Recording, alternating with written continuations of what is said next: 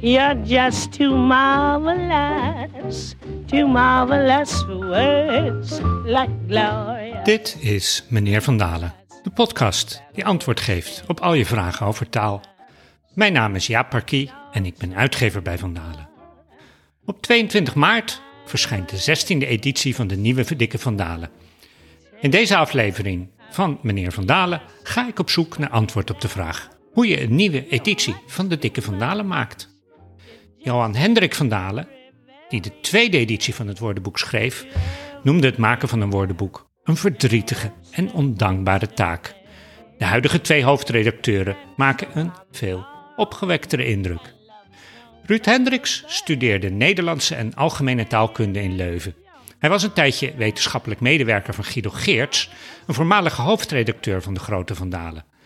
Van 1998 tot eind vorig jaar was hij taaladviseur bij de Vlaamse publieke omroep. Sinds 2009 is hij de Vlaamse hoofdredacteur van De Grote Vandalen. Ton den Boon is de Nederlandse hoofdredacteur van De Dikke Vandalen. Hij studeerde in de jaren 80 Nederlands en algemene literatuurwetenschap aan de Rijksuniversiteit Groningen. Hij werkt sinds eind jaren 80 voor Vandalen. Daarnaast schrijft hij over literatuur en taal, onder meer driemaal per week in de taalrubriek van het dagblad Trouw.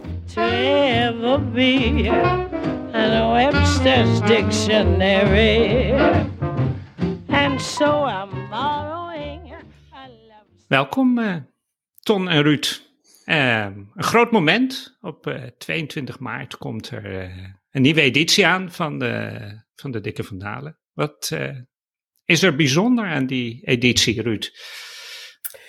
Voor mij is, is die bijzonder omdat het voor mij de tweede editie is die onder mijn hoofdredacteurschap eh, uitkomt. Dus het echte nieuwe is er wel af voor mij ook. Maar ik vind het een, een heel mooie editie geworden in de vormgeving, maar vooral ook omdat die ehm, ehm, nu 150 jaar onder de naam Van Dalen verschijnt. De eerste onder de naam Van Dalen was in eh, 1872. En dat we naar aanleiding van eh, die 150 jaar Van Dalen is ook in de oude edities zijn gaan kijken en is eh, aan de slag zijn gegaan met, eh, met het materiaal dat we daarin vinden en het te vergelijken met wat er nu in staat. Dat was iets heel moois om te doen. En dus moet je je ook wel eh, goed ervan bewust zijn dat wat we vandaag in de dikke schrijven, dat dat ook de afspiegeling is van hoe wij nu in 22 naar de wereld kijken. En dat misschien over 50 jaar als onze opvolgers daarnaar kijken, van kijk het is toch wel duidelijk dat dat eh, mensen waren uit het begin van de 21ste eeuw. Ja, ja en ehm, nou ja, de dingen die jullie het meeste ja, opvielen in het terugkijken, die vinden beslag in 150 taalverhalen die in eh, deze nieuwe editie ook staan. Heel leuk om te lezen.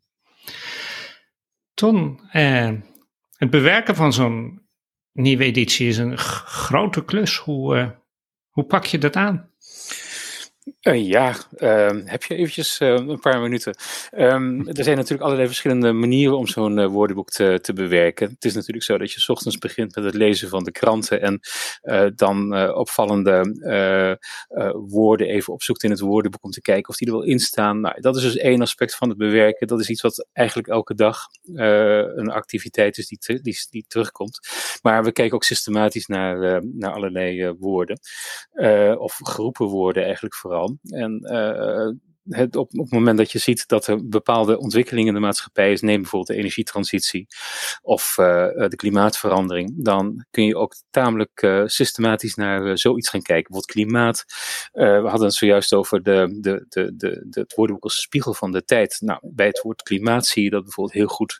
Klimaat was een jaar of 20, 30 geleden nog maar een vrij beperkt ehm, lemma. En er waren bijna geen samenstellingen mee. Als je ziet wat er nu aan samenstellingen meegekomen zijn, dat is enorm uitgebreid. Maar je ziet iets vergelijkbaars bijvoorbeeld ook met. ehm, met de transitie uh, van uh, de mobiliteit. Hè. We hebben nu allerlei uh, andere voertuigen dan vroeger. Die koets die is niet alleen maar vervangen door een brandstofauto.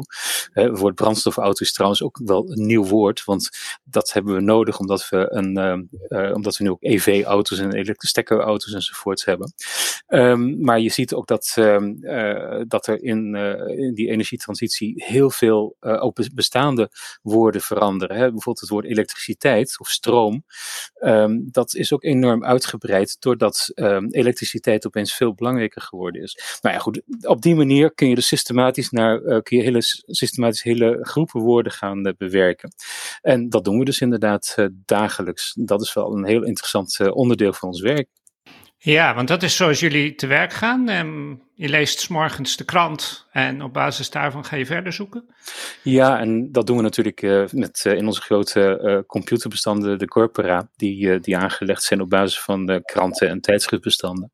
en daar kun je natuurlijk veel meer in terugvinden dan vroeger. Toen ik begon voor, met werken voor Van Dalen eind jaren tachtig, toen speelde de computer nog niet zo'n grote rol.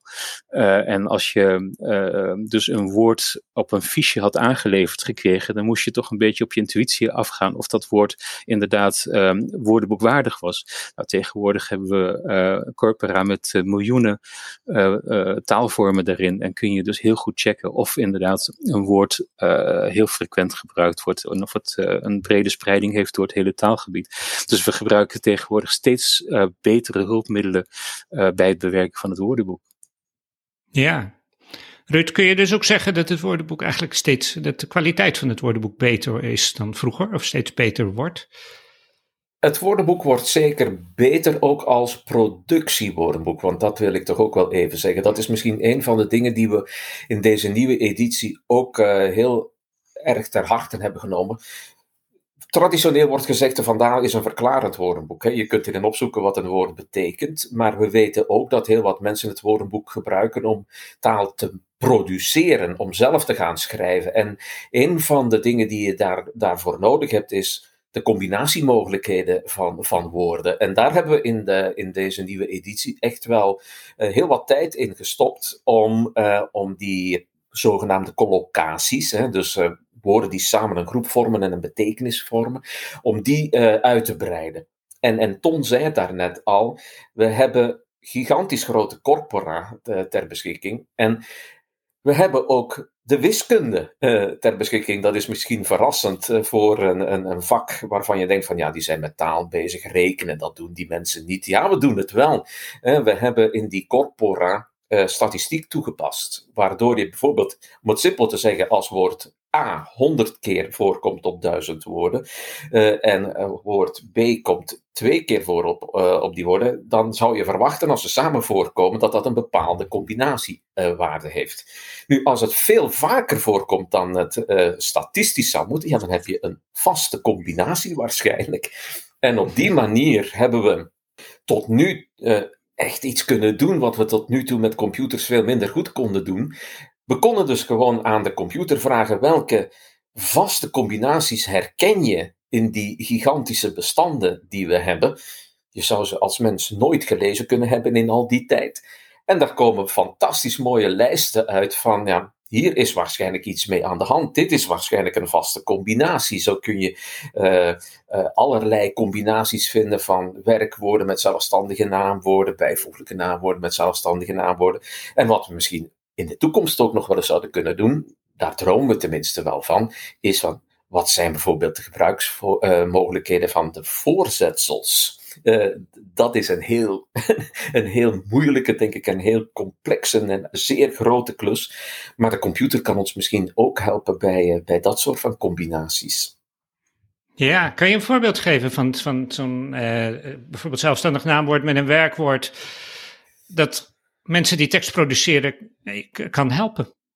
Wel, een heel goed voorbeeld daarvan is een, een woord als contract. Je kunt, uh, als ik even ga kijken wat er nu allemaal in staat, een contract sluiten, gelden verklaren, contract tekenen, een contract opzeggen, een contract verbreken.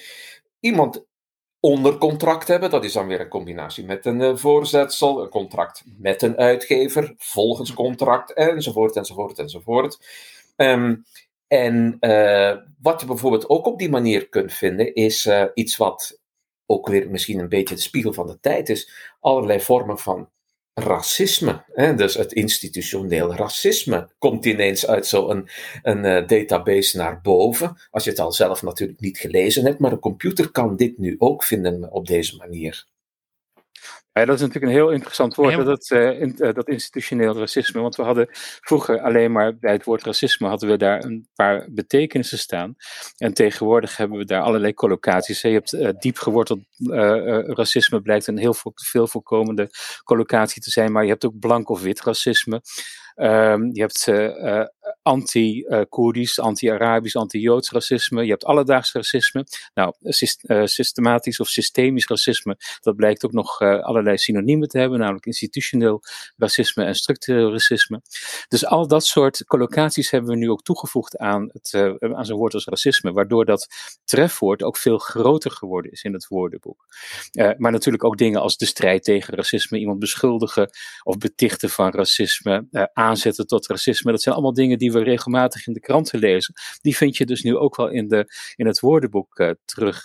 En wat die collocaties betreft, vind ik zelf de werkwoorden ook heel erg interessant. Want als je bijvoorbeeld kijkt um, hoe je een werkwoord als verbreken gaat, kunt, uh, kunt gebruiken, dat is iets. Uh, je kunt een contract verbreken of een overeenkomst verbreken, maar je kunt ook um, het contact verbreken, de banden, de betrekkingen, een relatie verbreken. Nou ja, goed, dat soort Um, objecten van zo'n werkwoord als verbreken uh, hebben we uh, nu in het woordenboek gezet. En natuurlijk is dit wel werk in uitvoering, hè, want uh, in de eerste plaats verandert de taal steeds. En in de tweede plaats is het, um, bevat de dikke vandalen zo ontzettend veel trefwoorden dat je nooit alles in één keer natuurlijk kunt doen. Dus het blijft altijd wel werk in uitvoering, dit soort, dit soort werkzaamheden aan het woordenboek. Als je het hebt over um, al die nieuwe collocaties, al die nieuwe woordverbindingen met, uh, met racisme, dat zegt natuurlijk ook heel veel over de, over de tijdgeest. Hè. Daar zie je ook dat de dikke vandalen een spiegel van de samenleving is. Hoe ga je daar als, als woordenboekenmaker uh, mee om in het woordenboek? Nou ja, die tijdgeest probeer je natuurlijk niet als zodanig te vangen, maar op een bepaald moment zie je van, vanzelf dat het woordenboek, of dat in ieder geval de nieuwe woorden, de nieuwe collocaties en de nieuwe betekenissen die in het woordenboek beschrijft, dat die inderdaad wel toch die spiegel van de tijd gaan vormen. En je ziet bepaalde patronen terugkeren. En dan heb ik het niet alleen bijvoorbeeld over corona. Je ziet dat er uh, sinds begin 2020 heel veel corona-woorden uh, bijgekomen zijn. Maar het blijkt dus dat er dan ook heel veel uh, um, nieuwe woorden en verbindingsmogelijkheden met woorden als virus en besmetting enzovoorts, infectie, bijgekomen te zijn. En als je dan na verloop van tijd terugkijkt naar wat je gedaan hebt in een woordenboek, dan zie je inderdaad dat, um, dat die taal taal de werkelijkheid weerspiegelt. En nou ja, die taal wordt weer weerspiegeld natuurlijk door het woordenboek. Dus indirect weerspiegelt het woordenboek ook de veranderingen in de maatschappij, in de samenleving. Zeker. En um, als we het hebben over, over, over inclusiviteit. Mm. Wat we in, uh, in dit woordenboek hebben gedaan, is uh, we hebben vooral geprobeerd om bijvoorbeeld als het gaat over inclusiviteit ervoor te zorgen dat, het, dat iedere gebruiker zich in het woordenboek moet kunnen herkennen. Nu, hoe kun je dat doen? Um, als Vlaming uh, had ik eh, de eerste opdracht voor de vorige editie om het woordenboek minder Hollands te maken en meer Vlaams te maken. Um, dat is zeker gelukt. En we hebben nu geprobeerd om het woordenboek echt een woordenboek te maken voor alle Nederlandstaligen en al, voor al wie Nederlands wil leren en wil gebruiken. Wat betekent dat heel concreet? Wel, we hebben geprobeerd om onze eigen enge blik um, wat te verruimen. Uh, dus dat je het niet bekijkt vanuit Nederland of vanuit Vlaanderen of vanuit Europa, maar dat je dus bijvoorbeeld een, een, een woord als een formulering als bij ons uit de definities te halen. Want natuurlijk, als je in Suriname uh, het woordenboek opslaat, dan is bij ons natuurlijk ergens anders dan wanneer ik in Brussel dat woordenboek opsla en denk van ja, bij ons. Ja, maar waar is bij ons? Dus uh, je merkte heel goed dat het woordenboek gedacht was, oorspronkelijk zeker vanuit Nederland, um, maar dus die, die formulering bij ons als het gaat over zakelijke eh, beschrijving van waar iets gebeurt of zich voordoet of voorkomt, dat is eruit. Dus we hebben ook geprobeerd om um, de typisch Europese blik in een heleboel dingen eruit te halen, bijvoorbeeld in etymologische informatie. in heel wat uh, in, uh, etymologie stond uit een Afrikaanse taal. Nu, er zijn ongeveer 500 Afrikaanse talen, wilde schatting. dus het, het, dat klinkt vreemd natuurlijk als je daar woont en je denkt een Afrikaanse taal.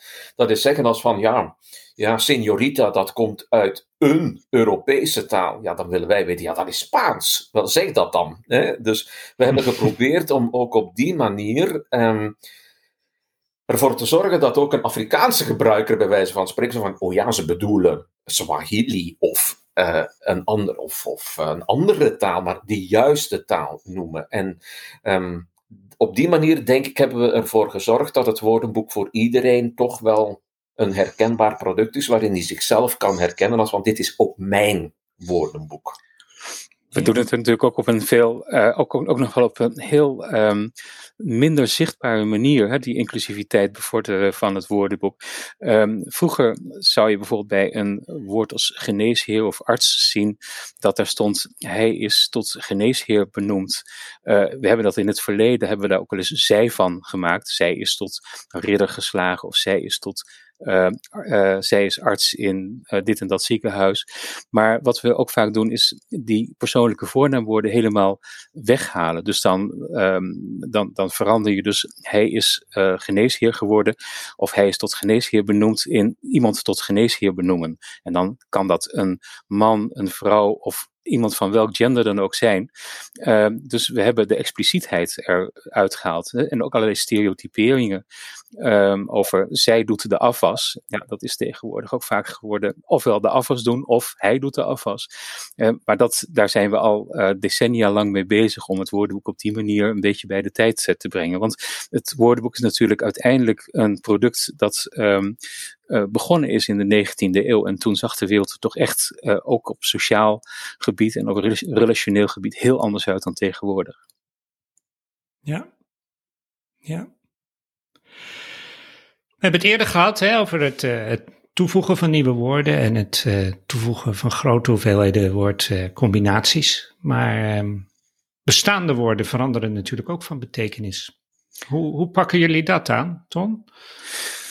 Nou ja, in de eerste plaats uh, probeer je natuurlijk die betekenisverandering op het spoor te komen. Dat is veel lastiger dan nieuwe woorden. Kijk, nieuwe woorden kun je eigenlijk laten uitspugen door de computer, of potentiële nieuwe woorden. Als je ze door de computer laat uitspugen, zitten er trouwens ook best veel spelfouten in. Dus uh, je moet daar altijd eventjes goed op letten.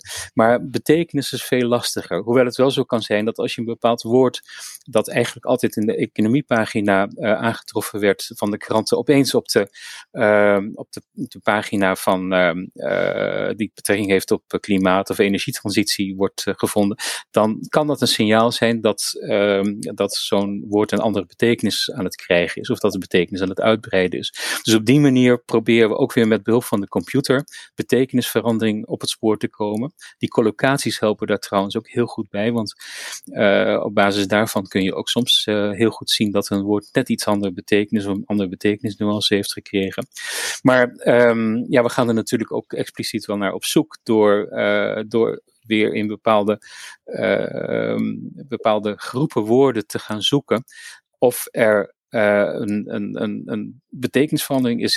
Dat is heel simpel zo. Je tikt een woord in in het corpus en dan ga je gewoon zoeken hoe wordt het gebruikt um, en uh, in, in welke contexten wordt het gebruikt. En op basis daarvan uh, vind je dan vaak uh, inderdaad potentiële betekenisverandering. En het is natuurlijk ook zo dat, dat betekenisverandering ons vaak in de schoot geworpen wordt. Want gelukkig hebben we nog steeds heel veel informanten die ons allerlei informatie toesturen of toemailen over betekenisverandering of over het uh, over een andere lading die een woord gekregen heeft. En dat kan ook een andere gevoelslading zijn. Hè? Dus het is natuurlijk zo dat je dat verandering van taal niet alleen maar betekent dat een woord een nieuwe betekenis krijgt, maar het kan ook zo zijn dat een woord uh, langzamerhand van informeel uh, opklimt tot een neutraal woord.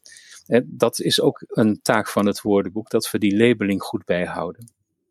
Woorden veranderen natuurlijk niet alleen van betekenis, maar het is ook zo dat definities die, laten we zeggen, in de allereerste editie in 1872 zijn geschreven, die zijn voor ons slecht leesbaar. Dus dat vergt ook onderhoud. Hoe werkt dat, Ruud? Wel, ehm, vaak kom je, uh, bot op bij het lezen, want dat doen we ook. We lezen soms gewoon het woordenboek. Um, dat is trouwens, ik kan het iedereen aanbevelen om dat eens te doen. Dat is echt wel een heel prettige bezigheid. Maar soms, ja, bot je op verouderde grammaticale constructies. Hè? Dus uh, je, je, bijvoorbeeld, bij heel wat voorwerpen stond iets als dienende tot. Uh, ik zuig het nu even uit mijn duim, maar stel je maar voor als, dat er zou staan: uh, mixer, uh, toestel dienende tot het fijnmalen van soep. Hè? Dus dat zal er natuurlijk niet zo hebben ingestaan, maar die constructie dienende tot, die hebben we echt tientallen, als het niet honderden keren aangetroffen. Ja, en dan, dan verander je die natuurlijk, want dat zegt geen mens vandaag meer. Dan zeg je gewoon dat is om te. Hè? toestel om de soep te fijn te maken. dus, uh, en door die leesslag bot je geregeld op dat soort van constructies. Het grote nadeel daarvan is dat als je dan systematisch naar die constructie gaat zoeken, dat je ineens voor een gigantische klus staat. Dus een van de klussen die gelukkig Ton nog ik hebben gedaan, is de vervanging van men in de definities. Dus heel, in heel wat definities stond het woordje men. Ehm, en dan denk je, ja, oké, goed, op zich kan dat wel, maar het maakt een definitie vaak ook moeilijk leesbaar. Uh, het klinkt meteen al wat ouderwetser. Dus we hebben de grote men-vertaalslag ook laten maken. Um, en uh, daardoor klinkt het woordenboek, de definities bedoel ik dan, ook wel wat uh, frisser, wat hedendaagser. Um, er zijn maar weinig mensen in de wereld die uh, jullie werk doen, het werk van uh, lexicograaf. Mm -hmm. Ik ben heel benieuwd, uh, Ton, hoe, hoe, hoe ziet jouw werkdag eruit? Je begint dus morgens met het lezen van de kranten, om te kijken wat er die dag in de taal is gebeurd. Hoe ziet, hoe ziet jouw verdere werkdag eruit? Wat, wat doe je? Nou ja, als ik inderdaad uh, um, uh, de kranten gelezen heb, de, en, dan, dan, dan, noteer ik natuurlijk wat woorden. je moet na mij, als ik een krant gelezen heb, dan ziet die krant er vaak heel beroerd uit, want er staan aantekeningen in. ik werk met markeerstiften, dus mijn huisgenoten zijn niet altijd heel blij met mij. maar goed, die, die informatie verwerk ik dan soms meteen in het woordenboek. Hè, dus in, ik kan gewoon vanuit huis in, het, in het woordenboek werken. En eh, als, dat, uh, als dat gereed is, meestal is dat ongeveer een, eh, een, uurtje werk, want het is niet eens zo heel veel werk om die nieuwe woorden bijhouden. dan ga ik aan zo'n klus beginnen als bijvoorbeeld het lezen van, van een, een, een, bladzijde in het woordenboek of van een halve bladzijde, want dan ben je nog helemaal fris en vers en dan zie je dus inderdaad verouderde formuleringen. Of je, ziet, je, ziet, ziet misschien constructies die te, te moeilijk zijn geworden, te lang bijvoorbeeld. En dan ga je dat bijvoorbeeld uh, zo'n halve bladzijde of zo'n bladzijde in het woordenboek uh, meteen uh, verbeteren. Nou, en dan heb ik daarna de keuze uit allerlei verschillende taken. Ik kan collocaties gaan, uh, gaan, uh, gaan toevoegen in het woordenboek. daar hebben we natuurlijk afspraken over dat Ruud en ik niet allebei hetzelfde traject doen. Dus we verdelen de letters wat dat betreft. Um, dat, is een, uh, dat is een mogelijkheid, maar ik kan bijvoorbeeld ook een thematische verzameling uh, uh, uh, aanpakken. Dus bijvoorbeeld uh, um, woorden die te maken hebben met digitalisering, of woorden die te maken hebben met mobiliteit, of woorden die te maken hebben met ecologie, of energietransitie, of nou ja, je kunt ook alle kleurnamen eens een keer gaan, uh, gaan bewerken, of allerlei. Nou ja, goed, zo zijn er heel veel keuzes. Eigenlijk zijn de keuzes te over elke keer. En we werken natuurlijk wel volgens een bepaald programma. En dat programma, dat stellen we van tevoren vast. Hè. Dat, dat is een programma, dat is meestal een meerjarenprogramma. En binnen dat programma hebben we natuurlijk wel enige vrijheid om uh, bepaalde werkzaamheden te doen. En wat ik zelf uh, doe, is ik probeer nooit veel langer dan een uur of twee, drie hetzelfde werk te doen. En dan ga ik weer iets anders doen. Want anders dan ben je niet meer vers en fris en dan zie je het niet meer. En je moet vooral voorkomen dat er routine of al te veel routine in het werk sluipt. Dus nou ja, op die manier. En dan wordt het al snel een uur of vier s middags En dan uh, is er vaak de middagkrant. Uh, en daar sluit ik dan de, de dag dan mee af. Maar natuurlijk kijk je ook s'avonds naar de televisie. En ik zit ook altijd als ik voor de televisie zit met een, uh, met een, met een klein boekje waarin ik wat aantekeningen maak. zeker bij, bij het nieuws of bij praatprogramma's of actualiteitsrubrieken. Ja, de middagkrant sterft uit, las ik. Ja, dat is sinds dit jaar. Dus ik moet nu echt iets, een, nieuwe activiteit gaan, uh, Voor de gaan beginnen. Ja, het Parool en de NRC worden voortaan inderdaad ochtendkranten. Hè? Ja. Ruud, eh, wat maakt dit werk zo leuk? Het is uh, een heel prettig om zo met je vingers in de taal te zitten. Het is letterlijk, hè, met je vingers zit je te tikken en met, met taal bezig te zijn. En um, je denkt, ik krijg vaak die, die vraag hoor als hoofdredacteur: ben jij nu een beetje de baas van de taal? En ik weet niet goed wat ik daarop moet antwoorden, want ik voel me niet de baas van de taal. Uh, want je denkt van, ik ben de observator, hè, die zo getrouw mogelijk probeert te noteren in dat, in dat dikke boek uh, hoe het uh, eraan toe gaat in, in het Nederlands. Maar een heleboel van de gebruikers zien dat als van wat daar in dat boek staat, ja, dat is bijna de grondwet van het Nederlands. En dus als het daarin staat, ja, dan is het goed.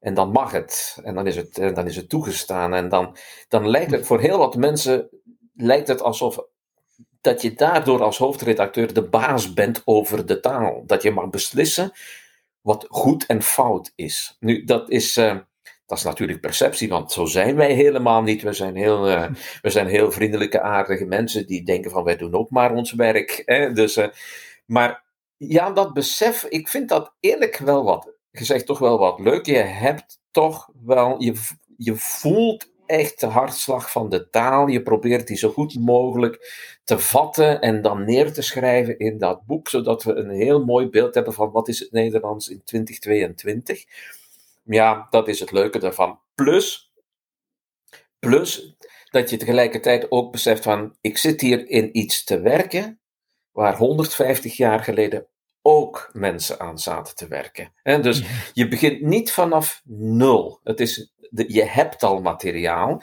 En je moet ook respect hebben voor wat die mensen hebben gedaan. Dus wat, wat zij met dat materiaal hebben gedaan. Ik kan me best voorstellen dat daar dingen in staan in de Vandalen die ooit nog letterlijk door Johan Hendrik van Dalen zijn geschreven. En dan denk je, ja, kan, kan ik daar nu zomaar iets aan veranderen? Aan, aan, aan wat die man daar ooit ingezet heeft. Maar goed, ja, dat, dat zijn allemaal leuke aspecten van het werken aan een woordenboek. Ja. Ja, ik vind zelf altijd. Er staan nog een kwart miljoen woorden in die dikke vandalen. Dat is, daar hebben we voldoende aan om eigenlijk alles in de wereld te beschrijven. En dat staat in die drie delen. Alles wat je in de wereld kunt beschrijven, staat er keurig geordend in die drie delen. Dat kan ik me bijna niet voorstellen. Dat kan ik bijna niet bevatten. Uh, dat maakt het, vind ik, tot een heel uh, uniek boek. Nou, um, komt er bijna de nieuwe editie eraan. De redactie is uh, daar al vanaf grond. De boeken liggen bij de drukker, bij de, bij de binder. Wat heeft jullie nou, uh, wat heeft jou Ton nou het meest uh, verrast bij de bewerking van deze editie? Ja, eigenlijk is dat iets wat, uh, wat me al uh, 30 jaar verrast. Dat de taal, uh, dat het Nederlands zo'n ontzettend creatieve en levende taal is. En zo dat er zoveel dynamiek in onze taal zit. En dat is me goed ook, want hoe meer dynamiek er in de taal zit, hoe, ehm, hoe levendiger die taal ook blijft. En hoe meer aandacht we er uiteindelijk voor, voor hebben. Um, want taalverandering. Taalverandering weerspiegelt in feite um, onze uh, bezigheden, uh, het benoemen van de werkelijkheid. En dat blijven we doen. Dat doen we door middel van woorden. En die woorden, die mogen wij registreren. En in die zin vind ik de taak van de lexicograaf ook wel heel mooi. Want het is een, toch een soort dienende taak. Je bent een soort seismograaf van, um, ja, van, van, van uh, de taalwerkelijkheid. Um, en dat, dat is iets wat me inderdaad wel blijft verrassen. En uh, ik moet zeggen dat ik elke week wel, uh, wel me dat wel besef. Dat onze taal zo'n unieke taal is waarin zoveel taalverrijking mogelijk is. Wat maakt onze taal uniek? Nou ja, kijk, uh, in, uh, we, zijn samen met het Duits, onder meer met het Duits, zijn wij echt een taal waarin heel veel samenstellingen gemaakt worden. En we kunnen uh, woorden aan elkaar plakken en dan krijgen die woorden toch opeens een nieuwe betekenis. Een betekenis die niet te voorspellen is uit de samenstellende delen. En uh, dat is eigenlijk een soort magie, hè? Dat, je, ja. dat, je een, een, een, dat iemand een nieuw woord bedenkt, een journalist een nieuw woord bedenkt, en dat we met z'n allen na twee weken zo'n woord overnemen en allemaal snappen dat, wat er met dat woord wordt bedoeld. Terwijl we dat woord, als we dat drie weken daarvoor, dus drie weken voor de introductie zouden hebben gezien, zouden we absoluut niet weten wat ermee bedoeld wordt en hoe het zou moeten worden gebruikt. Nou, die magie, dat, ik vind dat die, dat die magie nog steeds wel in taal aanwezig is. Ja, dus, dus ja, een heel democratisch proces ook. Ja, natuurlijk, maar taal is van ons allemaal. Hè. Vroeger zeiden ze in de 19e eeuw, de taal is gans het volk. Dat zullen we tegenwoordig niet meer zeggen. Zeker niet met die SCH. Maar het is natuurlijk wel zo dat iedereen uh, de taal kan beïnvloeden. En vroeger was dat de spraakmakende gemeente. Die bestond voor een groot deel uit uh, ja, mensen van, uh, van, van uh, naam en faam die de wereld mochten becommentariëren. Professor Dr. I.A. Diepenhorst herinner ik mij en meester G.B.J. Hilterman. Uh, dat waren spraakmakende figuren. Tegenwoordig uh, hebben, hebben, we natuurlijk nog steeds de journalisten en de commentatoren in de uh, kranten, maar ook Twitter, de sociale media, de burgerjournalisten die blogs schrijven. Iedereen heeft, kan invloed hebben op, um, op onze taal. En je ziet tegenwoordig ook heel veel dat um, woorden niet zozeer meer in de krant hun debuut maken, maar op de sociale media. En uiteindelijk nemen journalisten dus ook woorden over van Twitteraars bijvoorbeeld. Ja. Dus heel democratisch. Zeker. Ruud, wat heeft jou het meest verrast bij het maken van deze editie? Wat mij heeft, heeft verrast is hoe we erin slagen steeds meer om de technologie in te zetten om een woordenboek te maken. Dat, uh, ja. dat vind ik. Ik, ik denk dat, dat we ons dat niet goed kunnen voorstellen, wat dat de afgelopen jaren heeft betekend. Ik herinner me nog goed toen ik mijn allereerste PC kocht, had ik een harde schijf van 20 megabyte. Uh, daar lachen we nu om. Hè? Dus nu spreken we over corpora van miljoenen, miljoenen, miljoenen woorden, waar we allerlei complexe bewerkingen op kunnen doen met een snelheid waarvan we vroeger alleen maar konden dromen, waardoor je ineens ja, allerlei dingen kunt doen, verbanden leggen tussen woorden. We kunnen in, eh, automatisch laten uitzoeken van wat zijn synoniemen van andere woorden. Van als we, dankzij onze toveraar uh, Harry, hè, dus kunnen we nagaan van, kijk, ja, ja, Ruud, je hebt gezegd dat A een synoniem is van B. Is B dan ook geen synoniem van A? En, en misschien ook wel van C. En, dus dat, en als je dat dan al bekijkt dan krijg je een gigantische hoeveelheid informatie. En om nog maar eens een naam te noemen, dan hebben we ook onze vormgever Joost, die er ook nog eens in slaagt om daar op papier een fantastisch mooie weergave van te maken, om die, die zee, die oceaan van informatie ook voor het oog wat te structureren. Dat vind ik echt, dat vind ik onwaarschijnlijk. We zijn, als je dus uh, de vorige editie en deze editie vergelijkt met, met oudere woordenboeken, dit is zo'n mooi product van zijn tijd, waarin je niet meer het woordenboek leest, maar het woordenboek ook kunt scannen. Waar je gewoon over je oog over de bladspiegel kan gaan en je meteen weet, kijk, daar staat een definitie, daar staat etymologie, hier staat een lijstje van, van heel frequente betekenissen dat, ik vind dat fantastisch dat we uh, met deze editie ook weer eens een stap verder zijn gegaan in de vormgeving van het woordenboek. Vanaf 22 maart in elke boekhandel. Heren, heel hartelijk dank voor deze podcast. Tot je dienst. Ja, graag gedaan. To marvelous for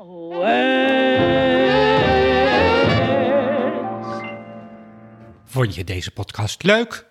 Vertel het aan iedereen en abonneer je in je favoriete podcast-app.